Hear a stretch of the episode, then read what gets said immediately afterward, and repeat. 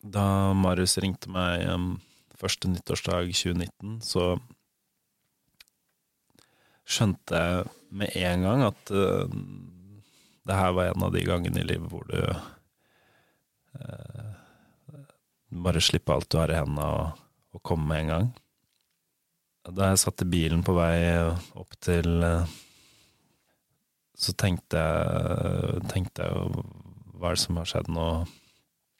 Jeg hadde jo skjønt at det var noen ting som Marius strevde med, særlig det siste året, men samtidig så hadde jeg ikke sett ham på en stund. Vi bor i, i hver vår by, og det er ikke alltid vi ser hverandre hver måned.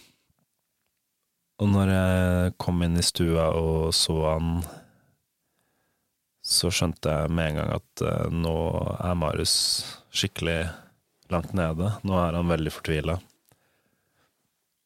Jeg opplevde at han var eh, helt annerledes enn sånn som jeg kjenner han, da. Så, og det gjorde at jeg ble jo selvfølgelig veldig bekymra.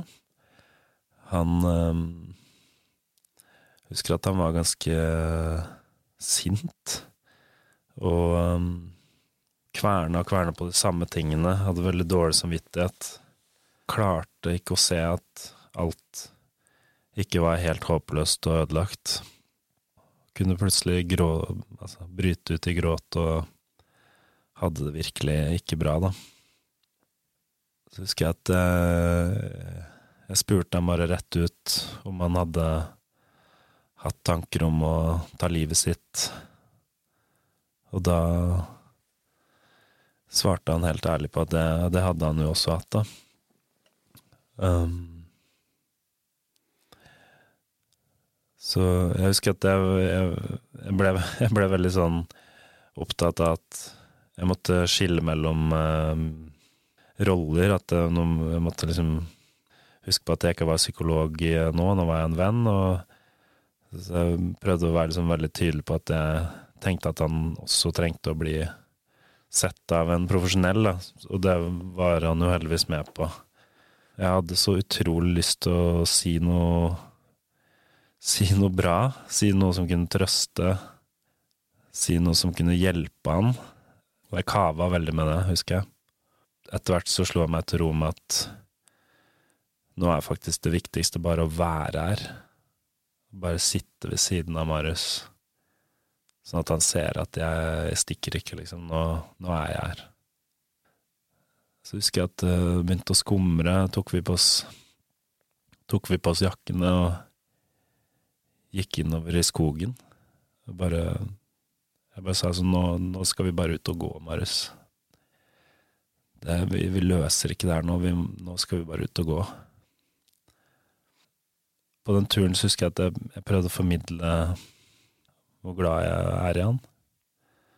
Hvor mye han betyr for meg. Jeg tror jeg sa noe sånn som at uh, du er som en bro for meg, Marius. Og um, både den dagen og, og, dagen etter så skjønte jeg at uh,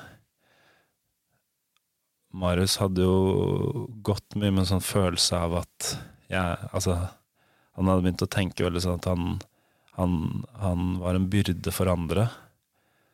Andre må liksom slite med meg og mitt og mine problemer og Og det tror jeg han tenkte sånn for meg også. Han var veldig sånn Han ville ikke bry meg med det og Men helt ærlig så var jo det, det her var jo virkelig en, en, en gave for meg. Det å kunne få lov til å være der for Marius i en sånn krise.